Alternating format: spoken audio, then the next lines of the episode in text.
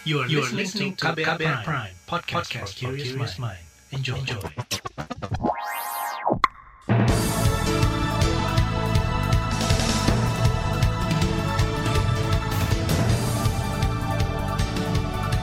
Selamat pagi saudara, senang sekali kami bisa menjumpai Anda kembali melalui program Buletin Pagi edisi Rabu 8 September 2021 bersama saya Naomi Liandra.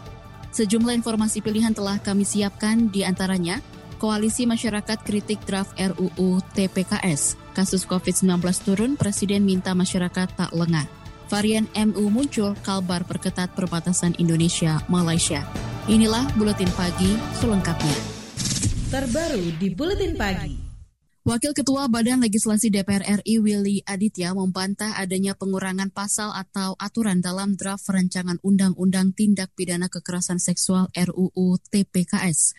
Willy menyebut draft awal RUU dirumuskan secara cermat agar tidak terjadi tumpang tindih. Menurutnya, klausul materi muatan yang sudah diatur dalam Undang-Undang existing tidak akan dimasukkan ke dalam RUU Tindak Pidana Kekerasan Seksual TPKS karena sudah diatur oleh undang-undang lain itu keliru dan sesat. Okay. Mm-hmm. Okay. Jadi bukan pengurangan mas, tapi positioning yang sudah diatur oleh undang-undang existing kami tidak akan masukkan lagi di dalam undang-undang tindak pidana kekerasan seksual ini terkait dengan misalnya tindak pemerkosaan, terkait tindak aborsi, itu tidak kami atur lagi terkait pencabulan itu tidak kami atur lagi karena apa sudah diatur di dalam Undang-Undang KUHP. Willy Aditya yang juga menjabat Ketua Panitia Kerja Panja Rancangan Undang-Undang Penghapusan Kekerasan Seksual RUU PKS mengatakan bahwa RUU TPKS tidak boleh overlapping agar memudahkan aparat penegak hukum dalam menjalankan tugasnya. Menurutnya selama ini kendala utama aparat penegak hukum karena tidak memiliki legal standing yang clear terhadap kasus-kasus kekerasan seksual. Lebih lanjut, Willy mempersilahkan publik untuk memberikan masukan terkait RUU TPKS ini. Ia membuka kesempatan bagi masyarakat sipil, akademisi, dan lain sebagainya untuk berkontribusi.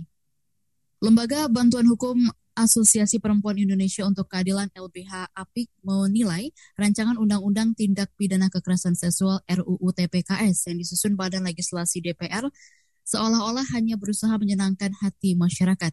Pengurus LBH APIK Indonesia Asni Frianti Damani menyayangkan RUU TPKS yang dinilai tidak komprehensif dalam memberikan perlindungan dan hak-hak korban kekerasan seksual.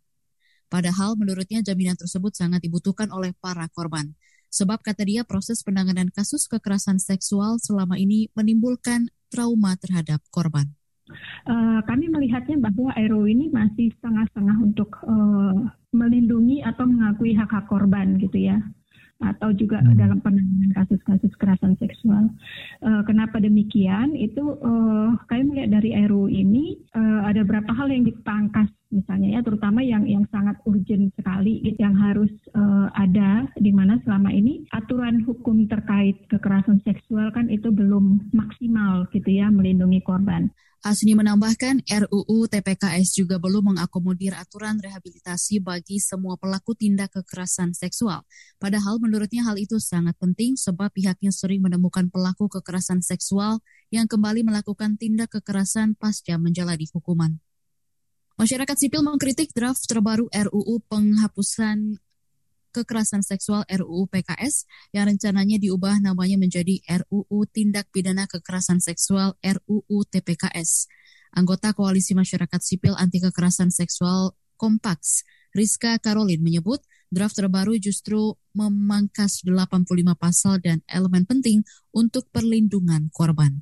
Pengurangan jumlah jenis kekerasan seksual yang pertama, yang kita minta kan dari awal dari 2016 bahkan sebelumnya itu kan ada 15 lalu diturunkan menjadi 9 sekarang hanya ada 4 nah dari penurunan itu juga berarti perlindungan untuk korbannya juga maka itu menghilang. Ada 85 pasal yang menghilang gitu loh. Jadi lebih kepada kepemidanaannya lebih kepada uh, apa namanya uh, fokusnya pada pelaku, tidak kepada korban. Ia mengingatkan agar jangan sampai RUU ini menjadi produk undang-undang yang asal jadi saja. Rancangan undang-undang ini mesti dipastikan melindungi korban, memenuhi keadilan, serta memastikan pemulihan korban. Ia menambahkan koalisi tengah mencoba proses negosiasi untuk memastikan RUU tersebut bisa diubah lagi menjadi lebih baik dan memastikan keberpihakan kepada korban. Sejak pertama digagas pada tahun 2012, pembahasan rancangan undang-undang penghapusan kekerasan seksual RUU PKS tak kunjung selesai. Pembahasannya pun mengandung dinamika dan berkali-kali mengalami penundaan. Pada periode 2014-2019, pembahasan RUU PKS masuk dalam prolegnas prioritas tahun 2021. Kelompok masyarakat tetap menanti RUU PKS dengan perspektif korban segera disahkan. Dari sisi pemerintah, Februari 2021 lalu, pemerintah membentuk gugus tugas beranggotakan KSP, Kemenkumham, Kemen P3A, Kejaksaan Agung, dan Kepolisian yang bertugas mendorong pembahasan RUU PKS oleh DPR. Kepala Staf Kepresidenan Muldoko yang kala itu memimpin rapat koordinasi menyampaikan keinginannya agar RUU PKS disahkan tahun ini. Dukungan yang sama dilontarkan Menteri Pemberdayaan Perempuan dan Perlindungan Anak Bintang Puspayoga. Pada siaran pers Kemen P3A tanggal 1 September 2019 kemarin, ia meminta dukungan seluruh lapisan masyarakat agar proses pengesahan rancangan Undang-Undang Penghapusan Kekerasan Seksual RUU PKS segera tercapai untuk mewujudkan kesetaraan gender dan mempercepat penurunan kekerasan terhadap perempuan dan anak. Namun polemik kembali mencuat ketika Badan Legislatif Balek DPR RI mengusulkan menggantikan nama menjadi RUU Tindak Pidana Kekerasan Seksual TPKS. Draft RUU TPKS ini dinilai menghilangkan substansi penting RUU PKS yang memicu kekecewaan masyarakat sipil. KBR telah mencoba menghubungi kantor staf Presiden dan Kemen P3A untuk meminta tanggapan mengenai draft terbaru ini, namun belum mendapatkan jawaban dari yang bersangkutan. Komnas HAM tunggu kehadiran MS terkait perundungan di KPI. Informasi selengkapnya hadir sesaat lagi. Tetaplah di Buletin Pagi KBR. You're listening to KBR Pride, podcast for curious mind. Enjoy!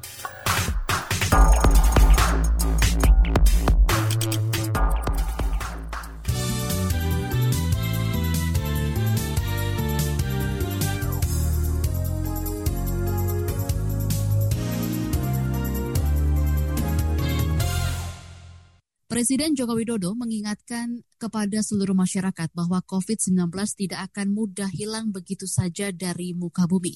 Saat ini semua negara hanya bisa melakukan pengendalian supaya virus corona tidak menyebar.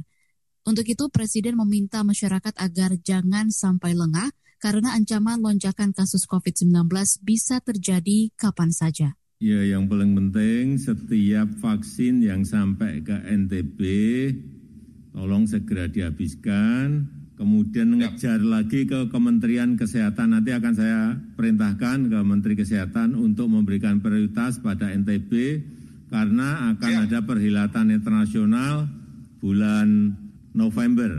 Siap, Pak Presiden. Kemudian tahun depan juga ada lagi MotoGP. Presiden Jokowi juga meminta seluruh jajarannya di pusat maupun daerah untuk betul-betul mengingatkan kepada masyarakat agar mewaspadai lonjakan kasus COVID-19. Kepala negara mengklaim kasus harian COVID-19 dalam tiga hari terakhir mengalami perbaikan. Begitu juga dengan angka tingkat keterisian tempat tidur atau BOR di sejumlah rumah sakit yang kini berada di angka 19 persen. Presiden Joko Widodo memerintahkan program vaksinasi diakselerasi guna mempercepat capaian 2,5 juta suntikan per hari. Menurut Wakil Menteri Kesehatan Dante Saksono Harbuwono, Presiden juga meminta vaksinasi dimasifkan di tengah menurunnya kasus COVID-19. Kita sudah mencapai angka 106, tetap perlu akselerasi vaksinasi menuju vaksinasi 2,5 juta per hari. Jumlah vaksin sudah mencukupi, diperlukan uh, evaluasi dan tadi arahan Bapak Presiden untuk melakukan uh, percepatan vaksinasi pada saat kita sedang uh, tidak naik eskalasi kasusnya dan Dinas Provinsi belum berbicara tadi vaksinasi ini dengan melakukan distribusi dari provinsi ke kabupaten kota. Wamenkes Dante Saksono menyebut pemerintah terus menggerakkan gerakan vaksinasi nasional. Hingga kemarin masyarakat yang sudah disuntik dosis pertama mencapai 67,1 juta orang dan 38,4 juta orang mendapat suntikan dosis kedua. Komisi Pemberantasan Korupsi KPK mencatat setidaknya masih ada enam DPRD tingkat provinsi yang kepatuhannya rendah dalam menyerahkan laporan harta kekayaan penyelenggara negara atau LKHPN. Deputi Pencegahan dan Monitoring KPK, Pahala Nainggolan, mempertanyakan alasan ketidakpatuhan para anggota dewan itu. Karena dari sisi kondisi geografis daerah, 6 DPRD tadi cukup baik terkoneksi internet. Izinkan saya membacakan bukan untuk untuk uh, mempermalukan, hanya mengingatkan saja bahwa 6 DPRD provinsi masih bawah 75 persen. Secara teori provinsi ini ada di kota-kota besar yang jaringan internetnya bagus, SDM-nya relatif tersedia. Gitu. Deputi Pencegahan dan Monitoring KPK Pahala Nainggolan membeberkan 6 DPRD provinsi yang kepatuhannya masih di bawah 75 persen, yaitu DPRD Papua Barat, DPRD Aceh, DPRD Kalimantan Barat, DPRD Sulawesi Tengah, dan DPRD DKI Jakarta. Adapun DPRD Provinsi Papua relatif cukup baik karena sudah mencapai 74 persen yang menyerahkan laporan harta kekayaan penyelenggara negara atau LKHPN. Pahala mengingatkan pelaporan LHKPN seharusnya tidak akan sulit, apalagi sistem pelaporan begitu mudah diakses melalui daring. Komisi Nasional Hak Asasi Manusia Komnas HAM menyatakan masih menunggu kedatangan MS korban dugaan perundungan dan pelecehan seksual di Komisi Penyiaran Indonesia KPI Pusat. Komisioner Komnas HAM BK Ulung Hapsara mengatakan kuasa hukum MS hari ini menjelaskan bahwa kesehatan kliennya kurang baik. Akibatnya MS urung datang ke Komnas HAM. Kami juga sudah mendapat keterangan tentang uh, kondisi MS yang ada saat ini, gitu ya. Dan memang uh, belum bisa menyampaikan keterangan secara langsung karena kondisi kesehatan yang itu jadi uh, prioritas bagi MS dan yang kedua juga terkait dengan beberapa kronologi yang memang uh, nanti akan disampaikan oleh MS secara langsung. Itu tadi Komisioner Komnas HAM BK Ulung Hapsara. Sebelumnya, seorang pria yang bekerja di KPI Pusat berinisial MS mengaku mengalami perundungan dan pelecehan seksual. Para terduga pelaku merupakan seniornya sesama staf KPI. MS mengaku menerima perlakuan perundungan dan pelecehan seksual sejak 2011 hingga 2015. Beralih ke kabar ekonomi. Kementerian Koperasi dan Usaha Kecil Menengah mengklaim penyaluran bantuan Presiden Produktif Usaha Mikro BPUM sudah tepat sasaran. Menteri Koperasi dan UKM Teten Masduki mengatakan, pemerintah juga sudah mengeluarkan program-program bantuan lainnya demi mencegah UMKM gulung tikar terdampak pandemi COVID-19. Program-program tersebut misalnya BPUM subsidi kredit usaha rakyat KUR, bantuan digitalisasi UMKM, dan penyerapan produk UMKM dalam belanja pemerintah. PNM ya, dan PNP 2K pada tahun 2021 menunjukkan Banpres Produktif Usaha Mikro dinilai tepat sasaran dan yang pertama 99,4 persen penerima BPUM adalah usaha mikro dengan omset tahunan di bawah 300 juta. Lalu 98,9 persen bantuan digunakan untuk keperluan usaha dengan nilai rata-rata 1,7 juta rupiah. Menteri Koperasi dan UKM Teten Masduki menambahkan program bantuan Presiden Produktif Usaha Mikro BPUM sebenarnya tidak hanya ditunjukkan sebagai bantuan pendanaan, tapi juga mempermudah pelaku UMKM mengajukan pinjaman atau pembiayaan perbankan. BPUM adalah bantuan langsung tunai BLT yang disiapkan Presiden bagi para pelaku UMKM. Program bantuan senilai 1,2 juta rupiah itu dimanfaatkan oleh pelaku UMKM melalui Dinas Koperasi Usaha Kecil Menengah Kabupaten atau Kota. Kita ke informasi mancanegara. Kementerian Haji dan Umrah Arab Saudi berencana meluncurkan dan dua mekanisme baru soal paket perjalanan umroh dan visa bagi calon jemaah internasional. Mekanisme tersebut akan memungkinkan calon jemaah internasional mendapatkan visa umroh tinggal di tunggal yang dikeluarkan secara daring. Dikutip Al Arabia, dengan mekanisme ini, para calon jemaah bisa memilih program umroh sesuai kebutuhan yang telah disetujui pemerintah Saudi melalui situs resmi yang sudah ditentukan. Saudi telah secara bertahap menerima jemaah umroh dari luar negeri yang sudah divaksin corona mulai 9 Agustus lalu. Mekah dan Madinah mulai menyambut pengunjung dari luar negeri dengan tetap menjaga langkah pencegahan COVID-19. Jemaah yang diizinkan tiba di Saudi hanya mereka yang berasal dari negara yang masuk daftar hijau atau dinilai aman dari infeksi kasus COVID-19 menurut kriteria yang ditetapkan Kementerian Kesehatan dan Badan Penerbangan Sipil Saudi. Saudi Press Agency SPA melaporkan kapasitas jemaah juga akan ditingkatkan dari 60 ribu orang per bulan menjadi 2 juta. Beralih ke informasi olahraga, sejumlah pertandingan kualifikasi Piala Dunia 2022 zona Eropa telah berlangsung pada Selasa malam hingga Rabu dini hari tadi. Sejumlah negara sukses berpesta gol pada pertandingan tadi malam. Portugal mengawali tim yang menang besar dengan mengalahkan Azerbaijan 3-0. Sementara kemenangan besar juga diraih Belanda yang mengalahkan Turki 6-1. Tak ketinggalan Denmark berhasil membungkam Israel 5-0. Dan pada pertandingan lainnya, Prancis mampu mengalahkan Finlandia dengan skor 2-0. Laporan khas KBR berjudul Kriminalisasi Korban Terus Berulang, Undang-Undang ITE didesak segera direvisi, akan hadir sesaat lagi. Tetaplah di Buletin Pagi. You're listening to KBR Pride, podcast for curious mind. Enjoy!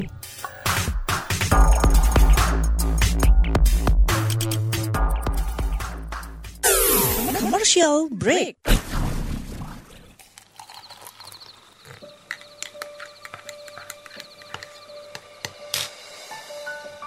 Hai, kamu apa kabar? Masih suka menikmati senja dan kopi? Aku masih ingat kebiasaan kita. Sehabis pulang kerja, selalu mencari tempat untuk sekedar ngobrol dan ngopi. Tapi kadang kita kehabisan bahan obrolan. Aku masih melakukan hal yang sama sampai sekarang tanpa harus takut habis bahan buat ngobrol. Karena aku selalu mendengarkan KBR sore dari Senin sampai Jumat jam 4 sore. Ah, aku rindu. KBR Inspiratif Terpercaya.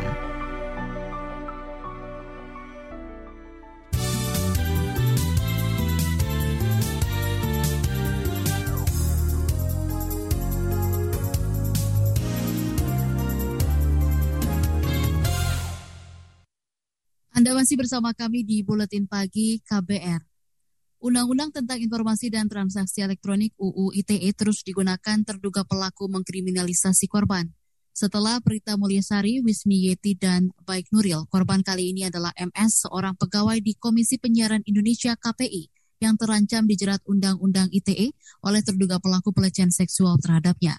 Kelompok masyarakat sipil pun mendesak pemerintah menyetop rentetan kriminalisasi korban oleh pelaku dengan merevisi pasal-pasal bermasalah dalam Undang-Undang ITE. Berikut laporan KBR yang disusun jurnalis Mutia Kusuma Wardani. Selanjutnya proses itu. Masih, saya masih menjalani proses itu. Yo, kita kasih dukungan buat proses hukum yang masih dijalani oleh Mbak Prita. Itu tadi Prita Mulyasari saat konser koin untuk keadilan pada 2008 silam. Prita kala itu berstatus sebagai tersangka pencemaran nama baik sebuah rumah sakit swasta usai mengeluhkan pelayanan rumah sakit di Omni Internasional lewat surat elektronik. Dalam kasus pencemaran nama baik itu, Prita sempat difonis bersalah di tingkat kasasi oleh Mahkamah Agung sehingga harus menjalani pidana penjara serta uang denda. Kasus Prita Mulyasari menuai simpatik publik lantaran pertama kali menguak pasal bermasalah di Undang-Undang ITE, salah satunya pasal tentang pencemaran nama baik. Ramainya perhatian publik terhadap kasus Prita Mulyasari tidak lantas menyetop tindakan kriminalisasi korban dengan UU ITE. Di 2014, seorang ibu rumah tangga, Wisni Yeti, di Solok, Sumatera Barat, dijerat UU ITE atas laporan bekas suaminya, Hasta Etika. Wisni saat itu melaporkan suaminya ke polisi atas kasus kekerasan dalam rumah tangga. Namun, sang suami membalas melaporkan Wisni ke kepolisian menggunakan Undang-Undang ITE terkait dugaan perbuatan asusila dengan percakapan antara Wisni dan temannya di pesan pribadi Facebook sebagai barang bukti. Di 2018, UU ITE menjerat seorang guru honorer di SMA Negeri 7 Mataram, Nusa Tenggara Barat baik Nuril Maknun yang diputus bersalah dengan hukuman penjara 6 bulan dan denda 500 juta rupiah. Baik Nuril dianggap melakukan pencemaran nama baik setelah merekam dan menyebarkan perbincangan perbuatan asusila dari kepala sekolah kepadanya. Tapi insya Allah saya siap, saya berlapang dada karena ini perjuangannya sudah paling akhir dan insya Allah saya mohon doanya kepada teman-teman semua terutama untuk anak-anak biar saat saya kuat, saya sampai saat ini merasa bangga karena harkat dan martabat saya sebagai perempuan sampai saat ini, sampai detik ini bisa saya jaga. Beruntung, kasus baik Nuril selesai dengan amnesti atau pengampunan dari Presiden Joko Widodo. Tahun ini, UU ITE terancam digunakan kembali oleh pelaku pelecehan seksual di lingkungan Komisi Penyiaran Indonesia KPI sebagai upaya serangan balik terhadap korban MS yang juga pegawai di lembaga pemerintah itu. Korban MS sebelumnya melaporkan kasus dugaan pelecehan seksual dari rekan kerjanya ke Komisi Nasional Hak Asasi Manusia dan kepolisian. Namun, tidak ditanggapi kepolisian karena laporan MS kurang maksimal. Awal September ini, MS lantas membuat surat yang mengisahkan dugaan perundungan dan pelecehan seksual yang ia alami dari tujuh pegawai KPI untuk memperoleh keadilan. Berbagai permasalahan di sejumlah pasal di UU ITE ini pun mendesak adanya revisi. Menurut Ketua Yayasan Lembaga Bantuan Hukum Indonesia YLBHI, Asfinawati, Undang-Undang ITE ini bisa berdampak serius terhadap korban – seperti stigmatisasi masyarakat hingga intimidasi pelaku. Ya, jadi kami sebenarnya di koalisi mengharapkan undang-undang ini segera direvisi ya dan uh, tidak seperti revisi yang pertama yang hanya menambahkan penjelasan, mengurangi hukuman, harus ada revisi yang mendasar eh, pasal-pasal yang memang punya masalah itu di uh, dihapuskan dan ada pasal-pasal yang tidak terlalu jelas itu diperjelas sehingga uh, asas legalitas uh, terjadi dia tidak bisa ditafsir, tidak bisa di multitafsir uh, uh, pasal-pasalnya. Laporan ini disusun Mutia Kusumawardani. Saya Aika Renata. Informasi dari berbagai daerah akan hadir usai jeda. Tetaplah bersama Buletin Pagi KBR. You're listening to KBR Pride, podcast for curious mind. Enjoy!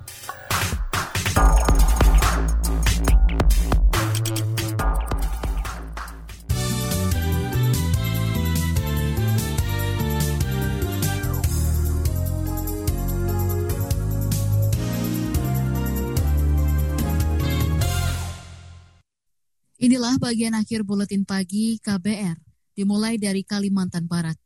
Munculnya mutasi virus corona varian MU di dunia membuat Kepala Dinas Kesehatan Kalimantan Barat, Harrison, meminta Kepala Satgas COVID-19 di perbatasan untuk tidak lengah terhadap lalu lintas masyarakat yang datang dari Malaysia. Menurutnya, kasus positif COVID-19 yang masih tinggi di Malaysia dikhawatirkan akan membuat beberapa kabupaten di perbatasan menjadi meningkat lagi kasus COVID-19 dan membawa varian MU masuk ke Kalbar. Memang menjadi riskan itu adalah di daerah perbatasan dengan Sarawak. Ya. Seperti kita ketahui, Malaysia itu kan masih tinggi, sementara kita sudah rendah. Ya. Nah, jadi uh, satgas di kabupaten kota di daerah perbatasan itu harus benar-benar jangan lengah, terus disiplin agar setiap uh, masyarakat yang datang itu benar-benar harus diisolasi di PCR dulu, kemudian kita isolasi selama 8 hari, ya. Nah, kita khawatirkan nanti uh, justru dari Sarawak masuk uh, apa namanya MU itu ya. Nah, kalau untuk pelabuhan ini kan uh, sampai sekarang masih masih kita tutup. Menurutnya, daerah yang perlu dijaga adalah kabupaten kota di daerah perbatasan dengan Sarawak seperti Sambas, Sanggau, Bengkayang, Sintang, dan Kapuas Hulu. Untuk itu, Harrison meminta petugas harus benar-benar memantau jalur-jalur ilegal yang kemungkinan dilewati warga. Kita ke Jawa Tengah. Pelaksana harian Bupati Banjarnegara Jawa Tengah Syamsuddin menegaskan komitmennya untuk melakukan reformasi antara lain dengan mengeluarkan larangan korupsi, kolusi, dan nepotisme bagi aparatur sipil negara ASN dalam pengerjaan proyek. Syamsuddin juga bertekad untuk mereformasi politik anggaran dengan sistem digital. Sistem itu menurutnya relatif bisa menjamin terciptanya tata kelola anggaran yang transparan dan akuntabel. Menurut Syamsuddin, arahan Gubernur Jawa Tengah Ganjar Pranowo kepada dirinya antara lain melakukan fokus perhatian pada pemahaman tugas pokok dan fungsi pegawai pemerintahan. Tentang pemahaman tugas pokok dan fungsi kita masing-masing sehingga tidak ketumpang tindih. Yang kedua, pada persoalan kegiatan proyek kita tidak akan main-main dengan kegiatan itu. Pesan-pesan yang lain tentang jual beli jabatan, tentang hal-hal yang terkait dengan nepotisme, konspirasi, dan lain sebagainya. Semua OPD menyatakan sepakat, siap, integritas, menjadi pegangan kami Sebelumnya Gubernur Jawa Tengah Ganjar Pranowo berkunjung ke Banjarnegara untuk mengonsolidasikan pemerintah. Hal itu dilakukan Ganjar pasca penetapan tersangka dan penahanan Bupati Banjarnegara Budi Sarwono oleh Komisi Pemberantasan Korupsi. Ganjar juga menunjuk Wakil Bupati Syamsuddin sebagai pelaksana harian Bupati Banjarnegara. Informasi tadi menutup jumpa kita di Buletin Pagi hari ini. Pantau juga informasi terbaru melalui kabar baru, situs kbr.id, Twitter kami di akun @beritaKBR, serta podcast di alamat kbrprime.id. Akhirnya saya Naomi bersama tim yang bertugas undur diri. Salam.